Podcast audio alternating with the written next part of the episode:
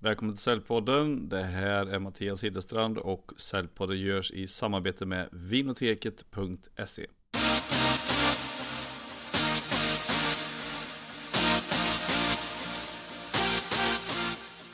Idag via Skype har jag med mig två personer, nämligen Lisen Olander och Göran Fryklund från Made for Sales.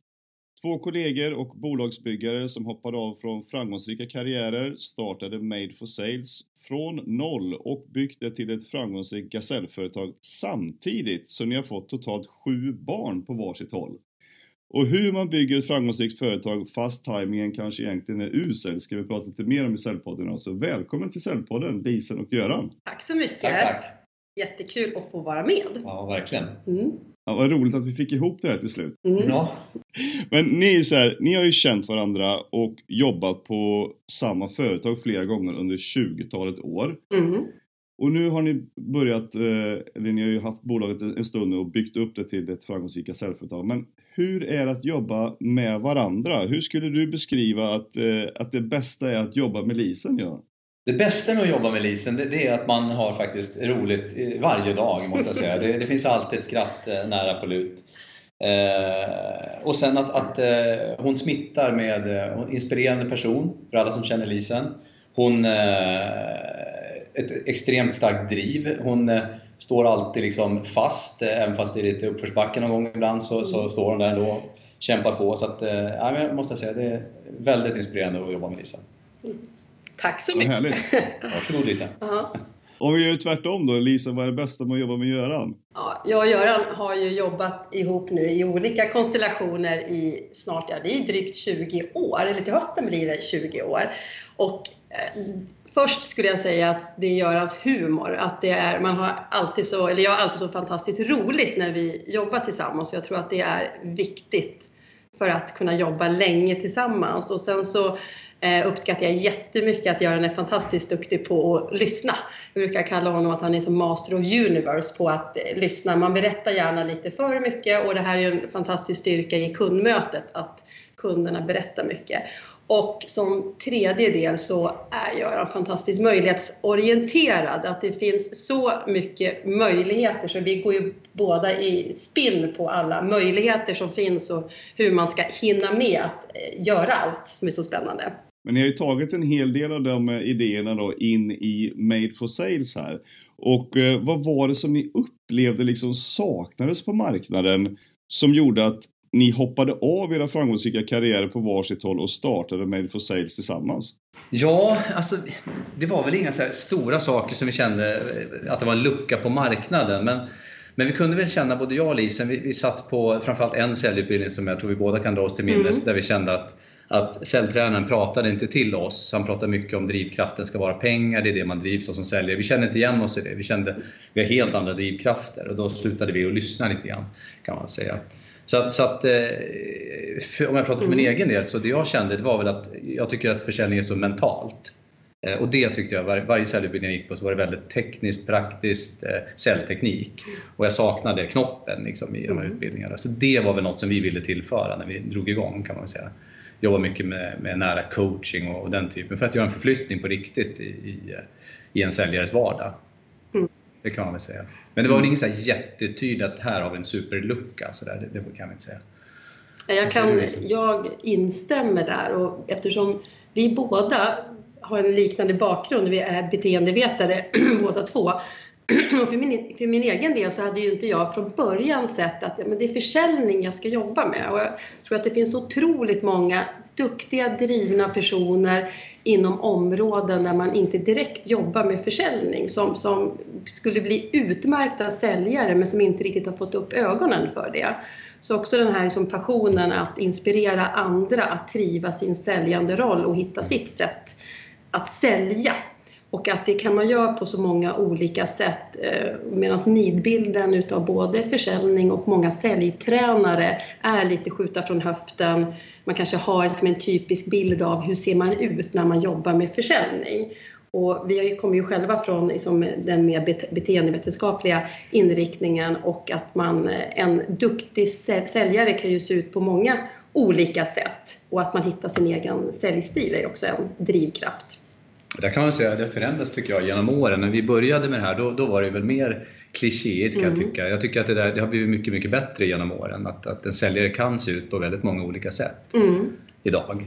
Och måste kunna göra det eftersom vi har så många olika säljlogiker att hantera. Liksom. Så att, eh, ja. Mm. Men den här lilla knoppen då som du sa här, eh, som lilla edgen som egentligen saknades i tidigare säljutbildningar. Vad är det som den här knoppen så att säga är? I ert fall? Ja, ja, vad är det? Nej, men det, Ja. det är, eh, tycker vi i alla fall, att komma bort från, från vad ska vi säga, den lite machoattityden som fall fanns förr inom sälj och, och, och, och till exempel öppna upp och, och prata på riktigt om att det finns säljhinder som kan stoppa mig i, i, i min säljprestation och, och verkligen borra i det och försöka lösa de problemen och liksom gräva där först eh, innan man sen börjar jobba i andra änden med, med så, så att liksom stanna upp och, och få koll på sitt nuläge kan man säga och sen jobba framåt och vart ska vi någonstans? Mm. Det är ju väldigt ofta när vi jobbar just med säljträning att då kan man träffa fantastiskt erfarna säljare som kanske har tappat motivationen. Man har egentligen inte så mycket hinder men man har egentligen tappat motivationen och då behöver man ju dra ner garden och se det själv och hur kan jag själv hitta den här motivationen. Eller så kan det vara nya säljare som man har bra koll på både säljprocess och man har bra koll på sin säljstyrning. Men det är någonting som faktiskt hindrar. Så att bli nyfiken på det här med hur man kan verkligen nyttja sin fulla potential är ju det som är väldigt spännande och roligt att locka fram hos personer. Hur upplever ni att det är då bland säljare? Att är man på de bolagen som ni jobbar med, är man liksom mottaglig för att göra en förändring i sin eget sätt att arbeta med försäljning? Eller känner man att ah, kul att gå en utbildning men så hamnar man tillbaka i sitt gamla efter en stund igen? Det är ju väldigt varierande. Vissa är ju otroligt mottagliga. Eh, Det beror väldigt mycket på kultur upplever vi, hur det är på bolaget. Vad har man för, för öppenhet kulturen för förändring och, och att, att vilja eh, utvecklas? Det, det är väldigt varierande måste jag säga. Ja. Ja, men det som är så häftigt är ju, det brukar ju vi säga, att eh, om vi går in och säljtränar på ett bolag så kan du ju vara helt ny i rollen. Oftast när man är ny i rollen så är man ju så extremt på tå. Man vill lära nytt, man är nyfiken. Eh, när man har jobbat länge då har man ju väldigt mycket erfarenhet men det kan ju bli att man hamnar på hälarna i det och inte kanske är lika på i varje möte så kan man få en kombination utav det här att när man har jobbat länge att egentligen agera som om man är ny på jobbet och vara sådär nyfiken och titta vad gör alla andra som når framgång. Beginners mind. Ja, beginners mind och fortsätta vara det. Så det är, tror jag, inleda och prata om de bitarna, vad leder till framgång? För många nya säljare som, om man till exempel har förmånen att få en coach. Göran, du hade ju en tjej som du coachade för ett stort mäklarföretag som, som satt liksom och tittade på dig och sa Göran, nu vill jag lära mig allt som de som verkligen presterar och lyckas gör. Och det Mm. hon hade den fantastiska förmågan var ju faktiskt att verkligen lyssna och faktiskt tänka att jag går ut och provar det här direkt. Även om jag inte har full koll så testar jag. Och det var ju en, en säljare som blev topp 10 i den kedjan redan första året trots att hon var bland de yngsta. Mm, mm. Och hon kanske inte hade alla förutsättningar från start men hon, hon vågade ju. Och det är ju det här med att våga och våga misslyckas också Mm. som eh, rätt så få vågar göra. Tycker ni att eh, alla har potentialen som ni träffar att bli bra säljare om man nu har det mindset som till exempel den här mäklaren hade? Ja, skulle jag säga. Ja, är man... Ja, Mm. förlåt Göran. Nej, men jag menar, det, det finns ju, man kan ju göra det olika bra eh, i, i slutändan, men ändå så, så tror jag att de vi möter som har rätt inställning, de kan göra ett, ett jättebra jobb i en, i en säljroll Mm. om man bara vill. Liksom. Det är väl min utgångspunkt. Mm. Rätt attityd. Ja. Finns det rätt attityd, att det är som ett bra råmaterial hos personen, att man verkligen är intresserad. Vi brukar ju säga att man tittar om personen är coachbar. Är man hela tiden att man hittar anledningar till varför någonting inte skulle fungera istället för att tänka om jag skulle prova att göra det här, hur skulle jag göra det då? Har man den inställningen att man hela tiden försöker tänka efter, om jag skulle testa det här sättet att ta kontakt med kunden, hur skulle jag göra? Då finns det ju ett bra råmaterial och att man vågar testa nya sätt att agera. Just det. Det innebär egentligen att eh, väldigt mycket av både säljjobbet och kanske alla andra jobb också handlar väldigt mycket om attityd och inställning till det man ska göra. Ja, Absolut. Absolut. förändringsförmåga också. Om man tänker hur snabbt det går idag med allting som sker. Så förmågan till, till att, att ställa om också. En otroligt Mm. viktig egenskap. För jag upplever också de gånger man själv varit ute och haft säljutbildning att just det du nämnde att, att vilja bli coachbar. För många har ju liksom himlat med ögonen och tänkt att oh, men, åh, så kommer en sån här checkkonsult och köra en eh, utbildning här en dag. Eh, vad ska vi lära oss den här gången? Jag kan ju försäljning liksom. Men de upplever man ju inte är särskilt coachbara. Många av de här som är lite tystare, som tar in och som eh, liksom kan komma fram efteråt och tänka ah, det där var jättebra. Eh, jag, inte, jag är ganska ny på det här men det är väldigt intressant om de här, de här sakerna. Men de som har eh, låtit mest under utbildningen är oftast de som kanske tycker att de är bäst men inte särskilt coachbara egentligen. Mm. Nej, det är sant. Mm. Ja. Mm. Mm. Ja, men vi brukar ju prata mycket om, bara för att lägga till det, att när vi har väldigt erfarna och duktiga säljare i en grupp, ibland kan det ju vara en, en, en, en spread i gruppen, helt nya och de som är jätteduktiga, så är det ju både att man som säljare hittar sin egen framgångsmix och den mixen kan se så otroligt olika ut beroende på vilka förutsättningar man har, hur man vill uppfattas i sin säljroll. Så det där är ju viktigt att verkligen hitta sitt eget sätt att sälja. Och det går även väldigt erfarna säljare igång på. Hur kan man liksom verkligen maxa den potentialen? Mm. Och får de erfarna säljarna att dela med sig Mm. till de yngre säljarna så, så är mycket vunnet också i Absolut. utbildningen. Vi, vi brukar ju säga att vi behövs ju egentligen inte för all kunskap finns ju internt så det är lite antisälj i det. Ja. Egentligen är det onödigt att ens ta in oss för all kunskap finns internt om alla ställde lite mer frågor till varandra, var lite mer nyfikna och delade med sig av sina bästa tips. Men är det för att man bygger upp säljorganisationer på det sättet att eh, det är individuella bonusar som gör att eh, man får fram de här eh, spjutspetsarna då som kör själva och inte helst vill dela med sig av sina tips eftersom om jag gör det så kanske någon annan kommer upp och konkurrerar med mig om toppen här. Ja, det är ju en faktor, det är, nog ganska komplext men, men absolut, bonussystemen påverkar ju beteenden väldigt, väldigt mycket. Eh, och den som uppfinner det perfekta bonussystemet, det, det är liksom, då är det bara att ta patent på det.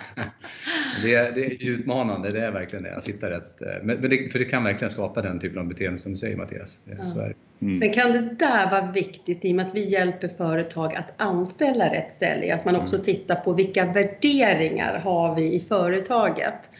Om man liksom har värderingar där det handlar om att dela med sig, att vara generös och att man jobbar aktivt med det. Att det är ett sätt som uppmärksammas mm, i organisationen som en viktig, eh, som en viktig del. Just det. Men om man pratar lite olika inriktningar som du har i bolaget då. Det är ju både rekrytering, bemanning och sälj och ledarskapsutbildning. Visste ni från början att ni skulle köra allt det här eller har det här bara växt fram under tiden? Eh, utbildning är ju vårt ursprung, så det var där vi startade. Mm, och där Ja. kan jag bara skicka in också att när vi startade, att vi har stort tack att skicka till Per Lange som är en otroligt duktig säljtränare och inspiratör som möjliggjorde att vi la grunden till att börja jobba tillsammans med varandra också. Så Stort tack till Per. Mm. Mm, då skickar det vidare. Ja, bra. vidare, Tack för det. Tack för det. Nej, men, Ja. men för, att, för att fortsätta din fråga där så, så, så har vi byggt på sen. Rekrytering kom därnäst och sen så eh, också uthyrningsdelen, att hyra ut säljare. Eh, Och sen så har vi i säljutbildningsdelen så har vi vävt in eh, ledarskap på de sista åren kan man säga. Mm. Och allt har ju sprungit ur kundernas behov eh, och efterfrågan egentligen. Vad är roligast då? Det är så mycket som är roligt i det här men, men och om jag måste välja, jag, hur många får jag välja? en. Det är valfritt. Nej, men jag tycker att, att vara ute och träffa kunder och eh, få en kund att, att eh, eh, få förtroende för, för det vi gör, det, det är en otroligt skön känsla. Det måste jag säga. Den är grym. Men sen också, om jag får ta två då, så att, att utveckla bolaget tillsammans med, med vår personal som är helt suveräna och, och tillsammans med kunderna. Det, det, det är där någonstans som det, det roliga är. Liksom. Mm. Verkligen. Mm. Vad säger du Lisa? Eh, om man tänker att- i att, tänker Mattias i att bygga bolag eller vad som är roligast i det vi gör utav de olika delarna? Jag tänkte främst det ni gör. Det vi gör? Ja, jag, jag, tycker att det är fantastiskt roligt att eh, inspirera andra att trivas i en säljande roll och verkligen se att sälja kan man göra på så många olika sätt och att bäst som säljare blir man när man inte lägger på någonting konstlat utan vågar vara sig själv. Det tycker jag är otroligt roligt. Sen precis som Göran säger att ha personal som trivs och gillar att jobba för oss och rekommendera sina vänner att komma och jobba hos oss. Det är ju också fantastiskt roligt att bygga den teamkänslan, att man vill jobba hos oss. Mm. Och kunderna är ju liksom grunden för det. Har vi inte kunder, har vi inte affären, då kan vi ju inte ägna oss åt det vi tycker är roligt. Så att business first. Just det. Mm. Jag tänker, när man sysslar med säljutbildningar så behöver man ju liksom vara hyggligt bra på att kunna sälja själv, annars så blir liksom kontentan inte så bra. Um, och då tänker jag så här, om man sysslar med sälj och ledarskapsutbildning, eh, vad är liksom eran sälj, eller om ni har en säljfilosofi eh, och som ni liksom genomsyrar i era utbildningar och som gör att kunderna vill köpa era tjänster? Det vi brukar säga när vi är ute och Träffa kunder, det så brukar vi alltid lyssna, vad har man gjort för insatser innan? Ofta så har man ju gjort någon typ av insats innan och rätt ofta kan det vara att vi kommer ut till kunder och sen har man satsat på kanske något tydligt som koncept som man har tränat och utbildat personalen i. Det vi brukar säga är att vi är ju ett säljutbildningsföretag som inte är fast i en filosofi utan vi lyssnar mer på hur ser kundens utmaningar ut och att vi har möjlighet att anpassa, anpassa oss efter hur utmaningarna ser ut framåt och då kan det vara olika metoder som är bra. Vi tror att det är farligt att vara fast i en tydlig metod för den metoden kan vara helt fel utifrån de framtida utmaningar som kunden har. Och den återkopplingen brukar vi få från kunden, att man tycker att det är bra, att vi, det finns ingen prestige hos oss att fortsätta att jobba vidare med en metod som kunden har börjat med om vi ser att den metoden fungerar alldeles utmärkt. Då behöver inte vi trycka på våra metoder om vi ser att vi kan addera någonting ytterligare så att de får mer effekt utav det. För effekten är ju allt, eh, att, att skapa effekt hos kunden, annars så, så fyller inte vi något syfte som vi ser det. Vi har en, en, en, modell i sex steg som, som vi arbetar inför liksom själva förarbetet och även efterarbetet för att säkerställa effekterna kan man säga. Vad består den i då? Ja, men det, om, I korta drag eh, så, så, handlar det om att först definiera, det är ganska självklara saker, men att definiera tydligt eh, vilka nyckeltal är det vi ska jobba mot och som Lisen sa, kartlägga vad har ni gjort hittills. Eh, men sen handlar det väldigt mycket om att, att bygga utbildningen anpassat efter, efter behoven. Så det kan vara, det kanske är bara coaching eller det är bara klassrum eller det är en mix eller det är e-learning. Så att man anpassar själva utbildningsinnehållet eh, efter, efter vad behoven är då, på ett tydligt sätt. Och sen i, i tredje steget så, så, handlar det väldigt mycket om att engagera och få in även eh, vad ska man säga, till exempel en försäljningschef, att den personen är en garant för utbildningen, finns med delaktig i den. Och när, när eh, deltagarna kommer tillbaks efter utbildningen så ska det finnas en nära chef som följer upp på, på kanske de tre viktigaste sakerna man lärt sig på utbildningen så att man får det att börja leva. Mm. Och sen också att det finns en, en samlingspunkt någonstans, eh, säg ett halvår efter, det kan vara en, en, ett webbinar eller någonting där man liksom fångar upp, ja, men vad har vi lärde oss nu den här diskutbildningen, vad var det viktigaste? Liksom? Så går man igenom det. Så att det liksom inte, för det finns ju sådana här kurvor som visar att efter två veckor efter utbildningsinsatsen så har nästan, då har man 10% kvar av allt man lärde sig. Och där, mm. där, vill man inte hamna, det, det, liksom, det är för lite. Så, att, så att, eh, vår ambition är att det ändå ska vara 11 mm. procent kvar. Ja. Annars så kan man ju tänka att det är en sjukt bra affärsidé när alla glömmer allt, för då kan man ju repetera. ja. Ja, nej, men och sen att se till att det blir en bra ROI, det är det sista steget egentligen. Att, att med, med de nyckeltal vi tittar på eh, i starten, hur har de förändrats eh, efter insatsen, då, eller insatserna? Mm. I enkla drag, korta drag. Så.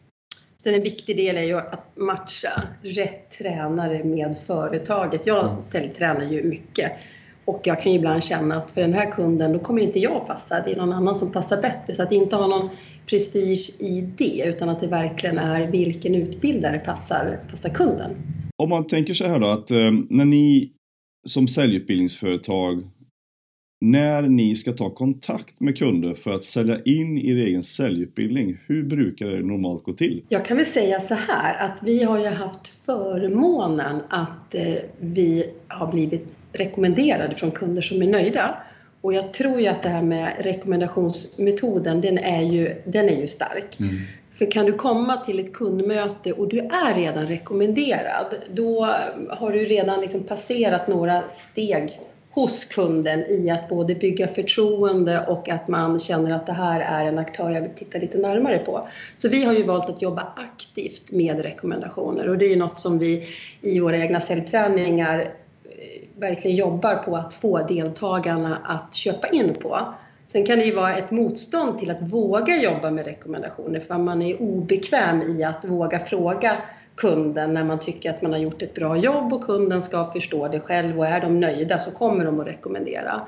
Så jag skulle vilja säga när det gäller utbildning så har vi runt 70-80% som kommer via rekommendation. Mm. Mm. Sen jobbar vi både med digital marknadsföring och att vi själv initierar kontakt. Men jag brukar själv säga i säljträningarna att eh, att nå budget, det är odiskutabelt. Det ska vi se till att göra. Sen vägen dit kan se ut på olika sätt. Och vi har valt att vi ska jobba med nöjda kunder som rekommenderar oss som en stor del i vår försäljning.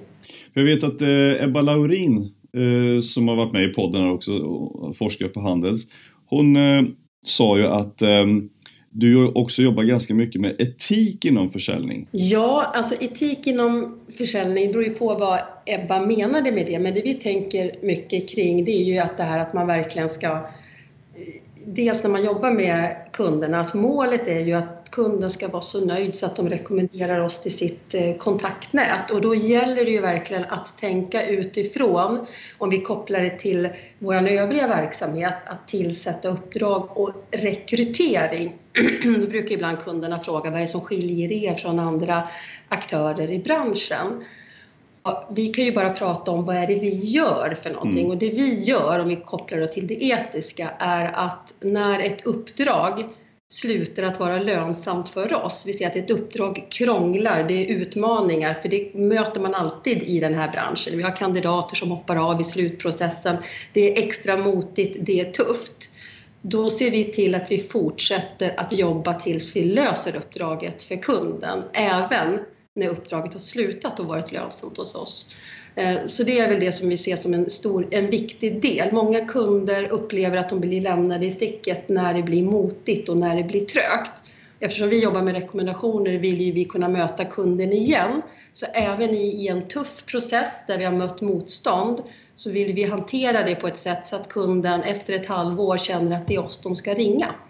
Så det, den är ju, är ju viktig för att kunna ha återkommande kunder som både återkommer och rekommenderar oss aktivt till sitt kontaktnät. Men som jag fattar i, i, i säljrekrytering till exempel, eller andra affärskritiska rekryteringar som ni gör, att, att ni liksom följer upp med personen på arbetsplatsen också på ett sätt som kanske inte så många andra gör? Det är alltid svårt där hur, hur andra gör, men, men som, vi, som vi gör så, så ja men absolut, vi, vi har en uppföljning tre, mellan tre och fyra månader efter att man har börjat sin roll och kollar att allting stämmer och funkar och att det blev den matchningen som, som både vi och kandidaten och kunden trodde att det skulle bli. Då. Mm. Och, eh, och, och, även med kunden samma uppföljning då, eh, i samma tidsperiod. Eh, och oftast så blir det ju jättebra och sen mm. någon gång ibland så, så, är det klart att det någon gång blir fel. Men det, mm väldigt stor del av fallen så, så blir det rätt. Liksom. Och det, det, är en härlig känsla, just den här matchningen, det är den man strävar efter. Och det tycker jag är en av de största förmånerna i vårt jobb också, just att få vara med om den här matchningen. Det är ju, just att byta jobb, det är en av de större grejerna vi gör ändå i livet. Så, så det är en skön känsla att känna när en kandidat är superlycklig på sin nya arbetsplats. Man kan tänka byta jobb, byta bostad, byta partner. Ja, Då är det väl kanske roligare att jobba med att byta jobb här i alla fall då, ja. som en viktig del.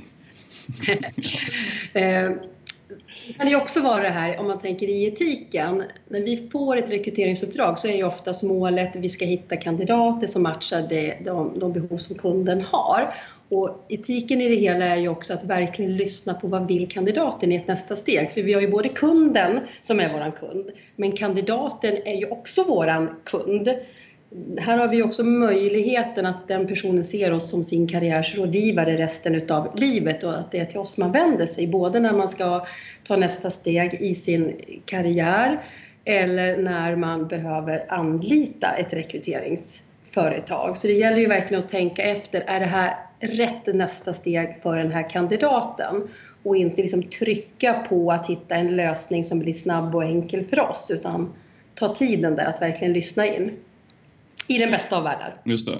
Men vad är, vad är det liksom i ert sätt att rekrytera då som har gjort att ni har blivit framgångsrika även där? Ja, men vi, har ju, vi har ju väldigt stor nytta av att vi jobbar med cellträning. Eh, det, det, är ju en, en framgångsfaktor för mm. oss. Vi, vi har ju djup förståelse för, för sälj eh, på det sättet. Och vi ser ju kandidater eh, som, som agerar i cellträning, vad, vad de möter för någonting där och så kan vi ta med det in i våra rekryteringsprocesser också. Så det mm. tycker jag är en stor styrka. Ganska ofta så kombinerar vi, vi som jobbar med cellträning, är med i rekryteringsuppdragen tillsammans med rekryteringskonsult för att få, få ett par andra glasögon i, i rekryteringsprocessen och personbedömningen. Mm. Så det, det, är väl en, mm. en bra grej som vi har tycker jag. För säljare, om vi tänker på det som kategori, mm. så när vi drog igång bolaget, vi kommer ju från en av de stora aktörerna i branschen och rätt vanligt var det ju när vi själva jobbade som säljare och så kom vi in med uppdrag. Nu ska vi tillsätta en säljare till det här företaget. Och det kunde nästan ibland vara känslan av att man bollar vidare, att det inte riktigt var de uppdragen som rekryterarna ville ha. För man visste att det kunde vara tuffa uppdrag.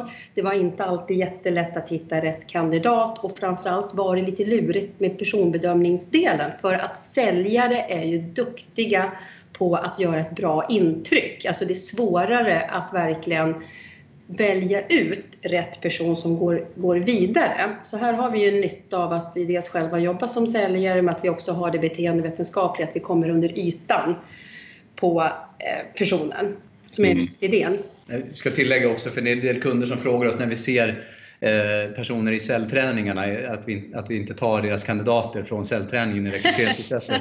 när vi har chansen så vill vi understryka att det gör vi verkligen inte, apropå etik och moral. Då skulle det vara svårt att vara långlivad ja. i, i den här eh, branschen. det är jätteviktigt naturligtvis. Ja. Men är det svårt att rekrytera säljare tycker ni då? Eller bra säljare kanske säga? Ja, alltså det, det är ju arbetstagarens marknad nu så vi får ju leta väldigt mycket för att hitta eh, duktiga säljare som matchar till de roller vi rekryterar. Så är det ju verkligen. Absolut. Så, så på det sättet är det svårt. Sen att, att, eh, att göra själva personbedömningen av, är det här en duktig säljare eller inte? Det är klart att det är en utmaning men inte svårt va? Eller vad säger du Lisa? Jag upplever ju det är svårt om man inte har kompetensen. Nu har ju vi drivit ja, det här bolaget ett antal år och men Göran, du sitter ju i många tunga rekryteringar och intervjuar säljdirektörer, säljchefer för uppdrag och här gäller det verkligen att se beroende på vilken säljlogik har företaget, vad är det man söker för typ mm. av säljare, hur ser kravprofilen ut? Vad är det verkligen bolaget behöver i förhållande till den fas och framtida utmaningar som man har? Och här gäller det att se hur kan vi då göra ett bra urval så att kunden känner när de träffar kandidaterna, vi har verkligen matchat rätt. En utmaning kan ju också vara att se potential. Jag vet ju att jag var ju i början på min karriär innan jag började då på Proffice som det var i den här tiden hos en, hos en konkurrent på intervju. Och den, de rekryterarna, det var två stycken kostymklädda män själv hade jag lite hennafärgat rött hår och lite hål i öronen och kanske inte riktigt hade förstått hur ser man ut, som en, hur ser man ut när man är business. Jag trodde nog att jag såg lite business ut för jag hade dragit på mig en, en kavaj så jag tyckte att jag var liksom bra klädd. Och jag har otroligt mycket frågor kring vilken bilaga läser du i dagen, eller i DN? Och jag sa ju, jag läser kulturdelen för jag är väldigt intresserad utav det. Och så då såg man att de gjorde en liten anteckning, fel svar, det skulle ju ha varit näringslivsbilagan. Eh, nästa fråga blev, kan du sälja en bil? Och jag hade inte ens körkort på den här tiden, bodde i Uppsala, var totalt ointresserad utav bilar. Så jag säger, sälja en bil? Nej men det kan jag inte göra för det tycker jag inte är intressant. Så fick jag återkopplingen att, eh, nej men vi ser inte att du har liksom säljdrivet eller säljpotentialen. Och då är det ju spännande att jag då som rätt ung har jobbat hela livet med försäljning och att det har gått bra. Så här handlar det om hur hittar vi potentialen hos yngre personer och vad är det vi ska titta efter? Så det är ju någonting som är en, utmaning, att vi sorterar bort och utmaningen där ligger ju också att vi, vi eh, är ju där nu som, som företag, att vi tittar på potentialen, attityden som vi är inne på förut. Det är där vi är för att kunna möta den marknad som är idag med den snabba takten och förändringstakten mm. som är. Och, men däremot är inte alla våra kunder där ännu. Så att de är fortfarande kvar i titta på CV och vilka erfarenheter har man sedan tidigare. Och det, är också, det, det, ska man göra men tyngdpunkten kan ligga lite väl mycket där kan vi tycka mm. ibland när vi rekryterar hos våra kunder. Och då att övertyga våra kunder om att titta på potentialen mer, det kan vara en, en retorisk utmaning för oss mm. idag. Absolut. Det gäller ju att våga göra det, våga ja. gå in och utmana. För det kan ju vara lite bekvämt att göra som kunden säger, att våga gå in och ta rollen som rådgivare, att ta med de personerna som man ser. Vi brukar säga att man tar med ett wildcard, att man ser att den här personen har ju verkligen potential också, så man har det i en, i en uppställning. Och potential kan ju också vara kopplat till, om man säger, det kan finns ju också en diskriminering på marknaden idag vad det gäller ålder. Att verkligen se, jag var ute hos en kund förra veckan och eh, den kunden hade från början varit ganska tydlig med att man såg personer som kanske hade lite mindre erfarenhet och oftast kopplat till det är ju det en, en åldersbit man får in i det hela. Och vi sa att vi kommer ju att presentera personer utefter kompetens och det här var ju en person då som var eh, bra mycket äldre än vad de själva hade tänkt och det var ju den personen som slog säljrekord och satte budgeten och presterade över. Troligtvis hade den kunden, om de hade rekryterat själva, inte tagit med den personen i uppställningen. Och då är det ju roligt att gå till jobbet när man verkligen får kunden att köpa in på att inte gå på sina egna fördomar. Ja, precis. Och jag tänker att det måste ju vara lika svårt som köpande bolag att veta att okej, okay, den som ska rekrytera de här personerna nu, hur bra är de egentligen på att rekrytera? Kompetensmässigt, ställer de rätt frågor? Ja. Kan de verkligen sålla eh, ut eh, på rätt sätt och, och, matcha det med atmosfären och kulturen och de andra som jobbar på det här bolaget så det blir ett bra team? Mm, ja. Mm, absolut. Så är det verkligen det är ju som i alla branscher så är det ju lätt att köpa på, på ett, ett lågt pris eh, som, som kund. Men, men eh, tittar man på rekrytering och den investering som det är under x antal år så, så är det klokt, som du säger, att titta på är det verkligen rätt bolag för vårt bolag som ska rekrytera och hjälpa oss och bära vårt varumärke ut mot kandidaterna. Mm. Så den är, ja, den är viktig, verkligen. Mm. Sen kan det ju vara en utmaning också om man ska rekrytera en säljare och den sälj, säljaren vill man ska vara duktig på att själv kunna ta, ta rätt betalt för sina tjänster ut mot sin kund. Att välja det rekryteringsföretag som själv säljer in på att man har lägst pris. Så där behöver man ju våga gå, ut, gå in och utmana i det hela också. Just det. Medan bolaget som köper tjänsten är de säljer själva dyra tjänster. Ja, mm. precis. Mm. Så att det, det finns ju liksom en, en, om man då har en rekryteringsleverantör som själv inte vågar argumentera för sitt arbete och för sitt pris, då kanske inte det är rätt leverantör för att hitta säljare som själv vågar stå för sitt arvode. Men eh, upplever ni att det börjar bli som, i och med att millennials kommer ut eh, mer och mer på arbetsmarknaden, även eh, generationen yngre än millennials också nu då. Är det så att Börjar det bli lite mer som Google kör att ja, men strunt samma vad du har gjort innan, jag, jag bryr mig inte om ditt CV eller din utbildning. Vi har ett problem här, kan du lösa det? Ja, vi, vi touchade ju lite förut och det, det, vi börjar gå mer och mer åt det hållet. Sen så är det så olika olika branscher. Vissa mer traditionstyngda branscher är väl fortfarande inte där utan man är väldigt mycket på e, tidigare erfarenheter. Eh, men det börjar bli en skillnad tycker jag. Mm. Eh, för fler och fler branscher måste ju möta snabba förändringar. Så att, så att det börjar sprida sig där, absolut. Mm. Det kan ju också vara på lite tyngre chefsnivå i och med att det blir så komplext, det blir så mycket förändringar som tyngre chefer behöver möta. Så här eh, ser vi ju också att i och med att förändringskompetensen behöver vara hög hos högre chefer och ha förmågan att ställa om så den här delen kommer ju in att det oftast kan vara personer som har kanske inte lika mycket erfarenhet, inte kommer från branschen, att det är det kunden egentligen efterfrågar men ibland har man inte tänkt på det själv och där gäller det att kunna gå in och utmana om vi har sett det i andra rekryteringsprocesser. Här kan det vara klokt att ta in en person från den här branschen i och med att det är de ska man säga, vilken typ av utmaningar som företaget har. Så att man inte då lyfter in en person som är likadan som den eh, chefen innan. Då kommer man ju få ungefär samma sak. Just det. Säljpodden görs i samarbete med vinoteket.se och det är en vintjänst som eh, jag själv nu har nyttjat under ett par års tid. Och där går du in och beställer ditt eget vin och gör din egen vinlåda utifrån deras eh, utvalda kvalitetsviner. Eller så tar du någon av de lådorna som Vinotekets sommelierer redan har satt ihop åt dig. Och du kan också, om du vill, beställa Säljpoddens egen vinlåda som du hittar på vinoteket.se sargpodden. Och där har vi satt ihop en låda som passar nu för sommaren. Och Vinoteket kör sedan ut alla dina viner till den adress som du själv väljer, till exempel till sommarstugan eller något annat ställe nu i sommar. Så gå in på vinoteket.se säljpodden och beställ Säljpoddens egen vinlåda. Och apropå det här med chefskap och, och ledarskapsutbildningar som ni också har. Hur går de ledarskapsutbildningarna till? Hur blir man liksom en bättre ledare efter att ha gått utbildningen? Ja, det var ju en, en, en, enkel fråga som jag kan besvara med tre korta kärna, kärnfyllda punkter. Mm. Jag skojar bara. Eh, jag skulle säga att allt ledarskap, sen får du fylla i Göran om du tycker någonting annat, att det börjar med självkännedom, att den är så otroligt viktig. Jag tror att det är svårt att leda andra om man inte har koll på hur man själv fungerar.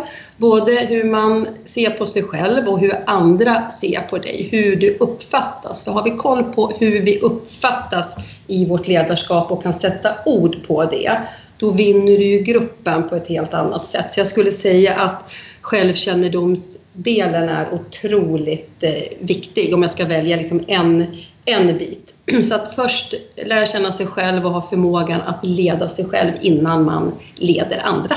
En viktig del. Mm. Sen jobbar vi otroligt mycket. Jag har en kund som vi har jobbat med, en väldigt stor apoteksaktör som vi har jobbat med från eh, att monopolet släpptes eh, fritt. Där vi har jobbat otroligt mycket med säljledning. Så vi brukar ju säga att inte bara gå in och säljträna utan vi behöver sätta säljledningsstrukturen så att den verkligen finns på plats för att sen kunna få effekt utav att man tränar säljkåren.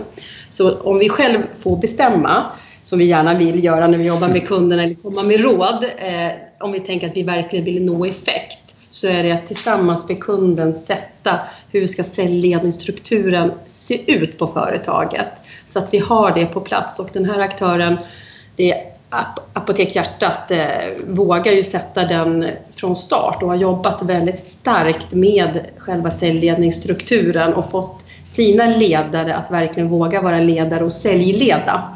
Och det är ju en bransch där man från början är apotekare, man har en helt annat yrke från början. Man ser sig inte som säljare. Man ser sig inte som Nej. säljare, men bara genom att sätta en säljledningsstruktur och jobba med tydlig uppföljning så får man ju effekt på försäljningen. Det kan vara lätt att man börjar med säljträning, sen har man inte ledare som följer upp. Så när vi jobbar med ledarskapsträning, då har ju vi ett tydligt säljperspektiv i det. Vi jobbar ju med det för att det ska leda till ökad försäljning. Det är effekten vi är ute efter i, i allt vi gör. Så ska man skapa några bullet points där så, ja. som man lägger till den så är det väl egentligen uppföljning som är, ja. förutom att få koll på, på sig själv, så, så uppföljning och, och, i alla led som Lisen är inne på. Om man tänker en stor organisation som, som, som de är, att i varje led så får det får inte fallera någonstans utan det måste ske uppföljning från, från VD till eh, säljdirektör och sen hela vägen. Eh, för annars så, så blir det lite korthuseffekt på det. Mm. Det är risken som vi ser det. På det Absolut. Mm. Men vad tror ni om de, de som, eh, jag menar ledarskap och chefskap har ju varit i många olika branscher liksom ganska ansatt kan man väl säga i och med att arbetsbelastningen blir oftast väldigt hög så fort man kliver upp några pinnhål och blir chef.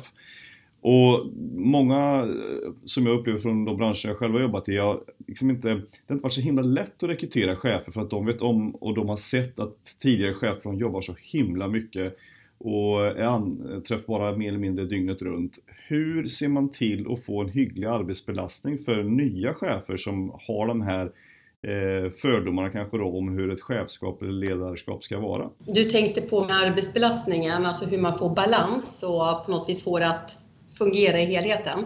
Ja, jag tänker liksom många branscher har varit så här, ja men du, när du blir chef, du vet att det är minst 70-80 eh, timmars arbetsvecka bara så du vet det. Eh, och, och, du kommer liksom vara anträffbar på helger och du måste åka runt i Europa och på möten och, och så vidare.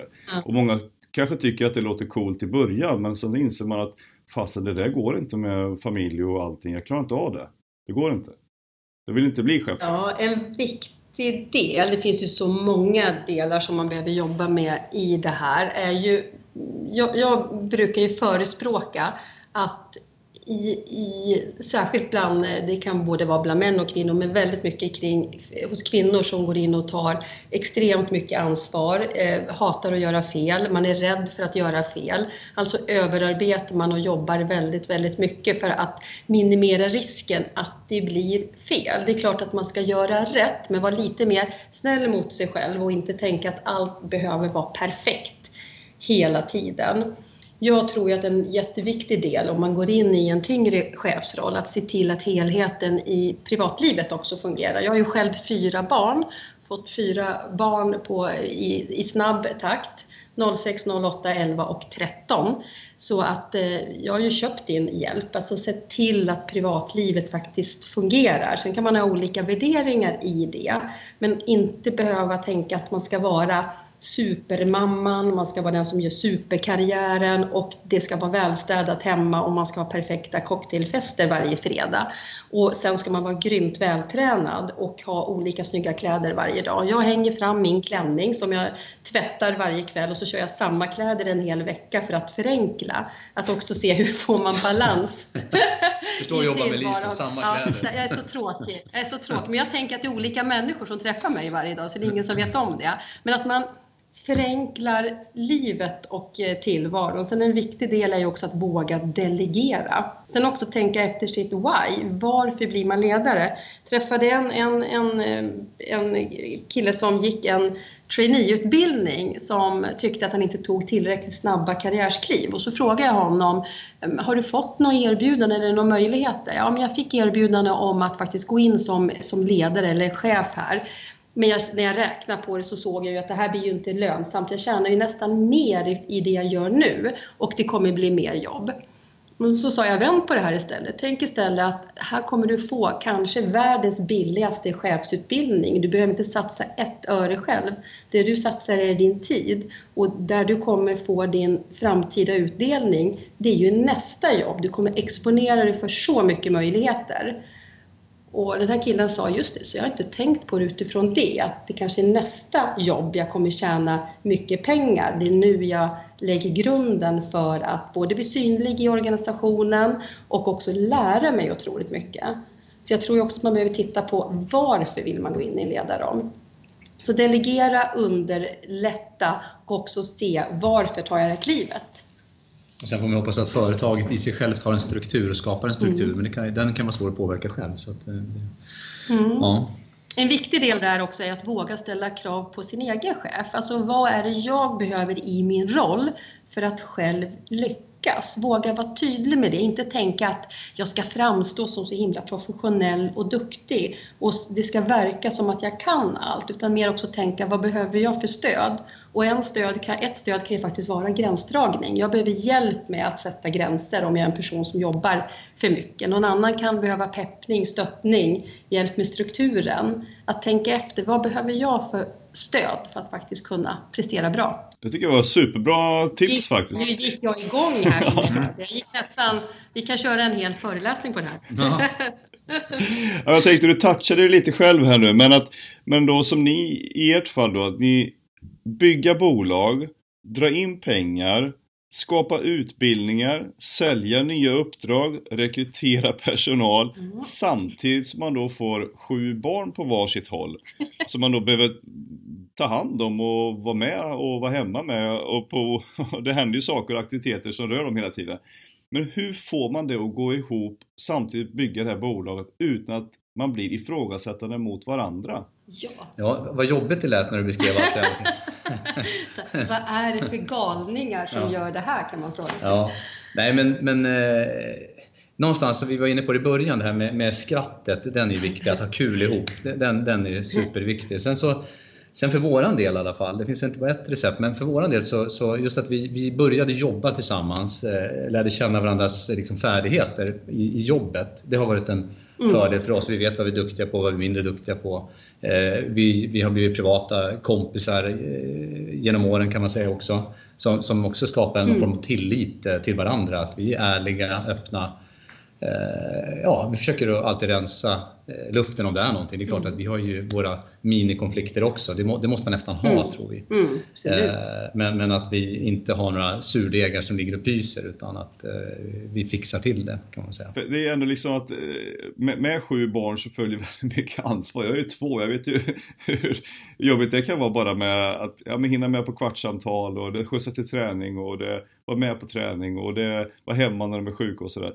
Och jag, vet, jag har ju bolag tillsammans med, med en kollega också och det är klart vi, vi, vi har ju haft tur ibland eh, att kunna vara hemma och jobba hemifrån.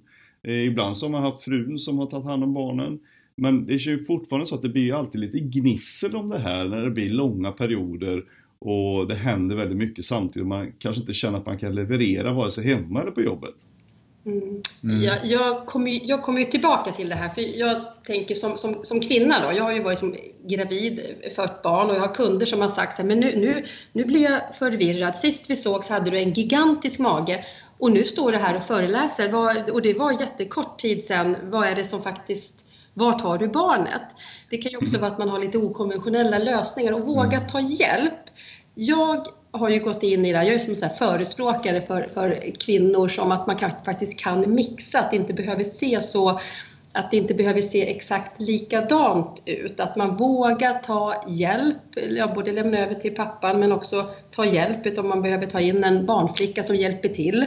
Eh, Jag tror jag har haft barn på jobbet när jag själv har varit ute och, och före, föreläst. Också att man hittar liksom lite mer okonventionella lösningar och inte ha så höga krav. I min familj då rockar vi socker varje dag. Det, det, är, liksom, det, är, ju, det är ju Guds gåva till familjen. Att jag sa att lägga ner tid på att para ihop sockor, man kan, ju, man kan ha bättre lönsamhet på sin tid. Så att det är också att hitta, liksom, om barnen kommer ut med kanske skorna på, på fel fot, men de kommer till skolan ändå. Att inte ha så höga krav på det här med perfektionismen Mm. är en, en viktig del för, eh, som har varit en viktig del för min del. Och sen Mm. som du pratade om det här med tillit, det, det har inte ens, inte ens farit genom mitt huvud när vi jobbar tillsammans, att man tänker att man, hur än läget är, så är man med och bidrar. Och jag tror att det där gör att det tar väldigt lite energi. Mm. Att, att energin ska man ju lägga på kunderna, på affärerna, inte tänka på vad gör den andra personen. Jag skulle det exakta rättvisetänket, Ja. det, det håller inte riktigt att, att leta efter. Liksom. Jag vet en, en, eh, jag har hört om andra personer som bygger bolag som sitter de med två delägare och så sitter de och tidsför exakt vad de gör medan vi tänker ju mer att, att vi, vi ju in all energi i det vi gör. Att behöva lägga ner tid på det känns ju väldigt onödigt. Ja, men sen flexibiliteten Ja. också. Men det, arbetstiden är liksom inte exakt fast mellan 8 och 5 utan är man och hämtar på dagis klockan 4, vi Ja. hörs ju på kvällarna liksom, men vi, ingen av oss har problem med det. Så att det, det, det funkar. Absolut. Ja, härligt att höra att det funkar att göra så. Göra karriär fast usel timing egentligen. Ja, Ja, jag brukar säga det. Jag fick ju mitt första barn precis när jag liksom började starta bolag. Så att allt det här med trygghetssystem och sådana bitar. Så jag, jag la liksom i en extra hög växel i, i, samtidigt som man fick barnen också. Då, så det är ju, men det funkar ju det, det, funkar ju det också. Jag brukar ju säga det att när man är mammaledig, eh, det finns väl inget bättre tillfälle att nätverka. Man har ju all tid i världen och det brukar jag utmana kvinnor till att under den tiden se till att jobba med nätverket, knyt kontakter. Kom tillbaka till jobbet och ha liksom extra mycket kontakter och kunskap med sig. Det går att göra absolut samtidigt. Eh, nu kanske jag får mothugg här, men jag upplever att där kan vi kvinnor också maxa. När man går runt på de där barnvaktspromenaderna, prata inte bara blöjbyte, prata lite karriär och lite business, så får man extra effekt utav det hela. Det ena behöver inte utesluta det andra. Precis, och man kan till och med starta... Helt ja jag ger mig inte in i den diskussionen. Nej, ger sig inte in. Men man kan göra både och och jag tror Ja, att det är lite, lite tabu i Sverige att prata om det. Ja, och jag tänker man kan säkert starta ett bolag också medan man är mammaledig. Så eh, vips, efter ett antal år så blir det gasell av det istället. Ja, ja. Ja. Det är viktigt att alla, alla har ju sitt, sin egen stil, vad som passar en själv. Men jag tror att man kan inspirera till att man, det kan finnas liksom andra sätt att göra det på eh, också. Jag tycker att det var en perf- perfekt period att liksom nätverka och träffa andra intressanta människor. Ta tiden till det och ta med sig bebisen. Mm. Mm. Eh, om jag säger så här, vad, vad, vad tror ni att ert liksom recept är för att ha lyckats med Made for Sales och ha gjort det till ett gasellföretag? Ja du, ehm, vi har ju Alltså, vi kommer tillbaka till det här med rekommendationer. Det har varit vår start någonstans. Vi hade ett nätverk, vi hade vissa kunder som vi hade jobbat med som kände till oss, som har rekommenderat oss vidare. Det har på något sätt varit grunden. Och så har det liksom växt utifrån det. Och, och liksom det är ett snöbollseffekt av det. Så vi har fortsatt hela tiden med rekommendationer som Lisen beskrev tidigare. Mm. Så att det, det är en jätteviktig del. Vi ligger fortfarande på runt 80-85% av alla våra affärer är genom rekommendationer. Så det, det, det blir ju ganska kostnadseffektivt, alltså säljkostnaden blir ganska låg på rekommendationsförsäljning. Så, så det är väl en nyckel. Och sen så har vi haft förmånen och, och turen ibland också att hitta bra personal just i upps, mm. liksom när, vi, när vi skulle börja växa. Eh, som, som kom in i helt rätt läge, hade rätt personlighetstyp för att vara med i en uppstart. Så det har också varit, varit en faktor. Eh, och, och, de, har varit, de har trivts hos oss och liksom skapat glädje. Och sen när vi har anställt nya personer, har de här första som kom in varit kulturbärare och fört, överfört det här som vi vill stå för till, till ny personal och hjälpt oss med det. Mm. Det, det, är också nycklar. Och sen att, att vi har haft liksom lojala kunder som, som vi haft mm. under väldigt många år.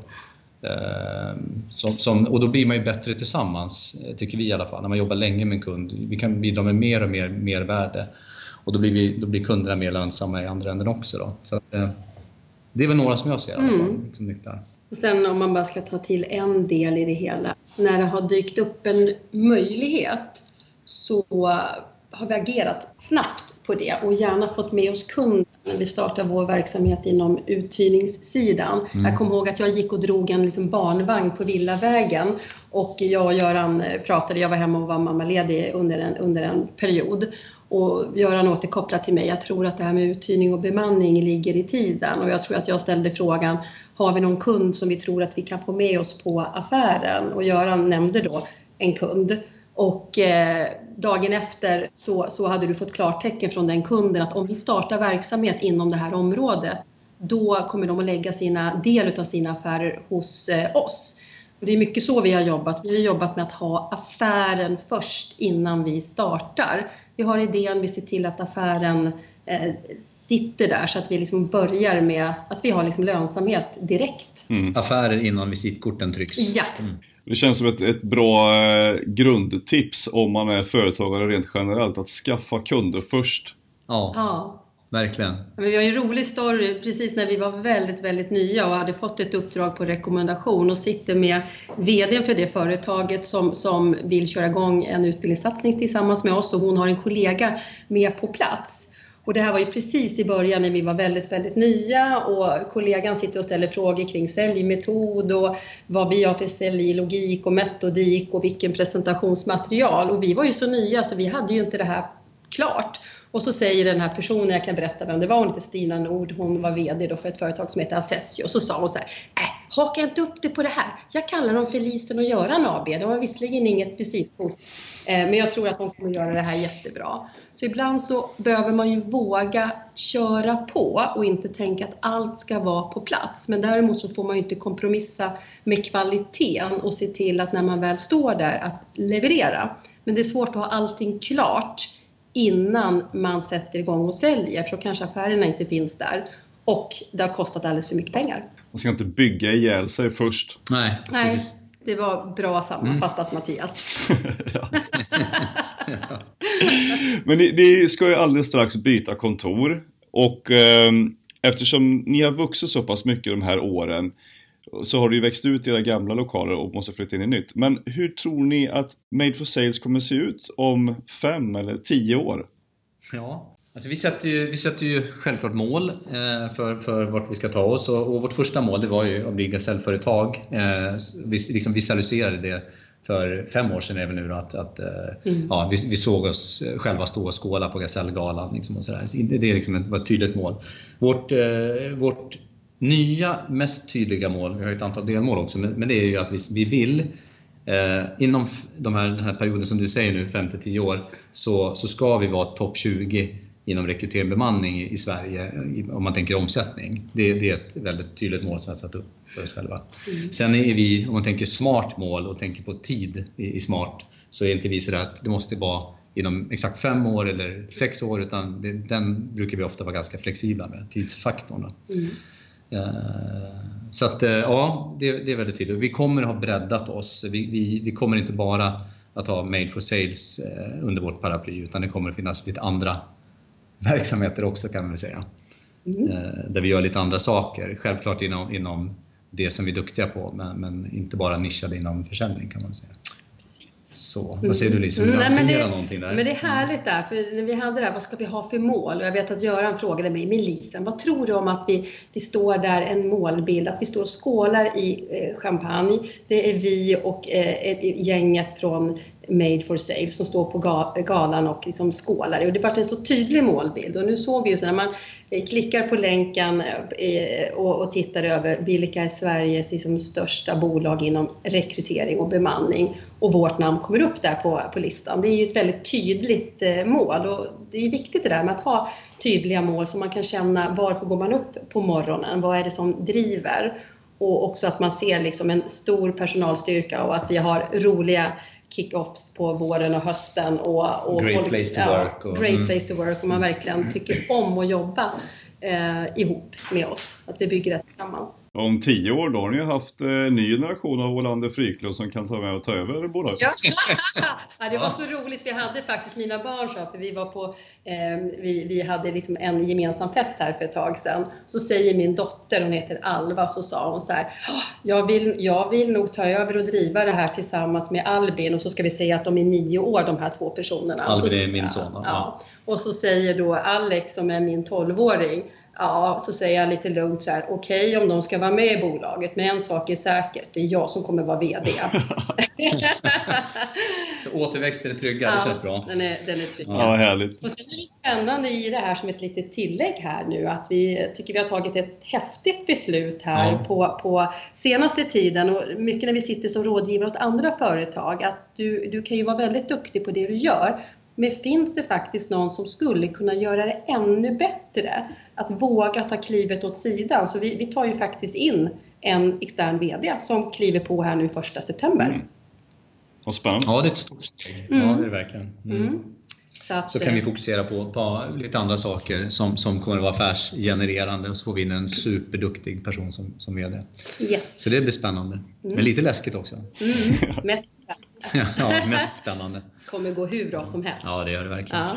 ja, vad härligt. Stort tack till er båda för att ni var med i Säljpodden och delade med er av eh, framgångsreceptet bakom Made for Sales. Och fortsatt lycka till tack. med byggandet av bolaget. Tack, tack så, så mycket och tack så mycket själv till dig. Ha det bra. Ja, samma. samma. hej. hej.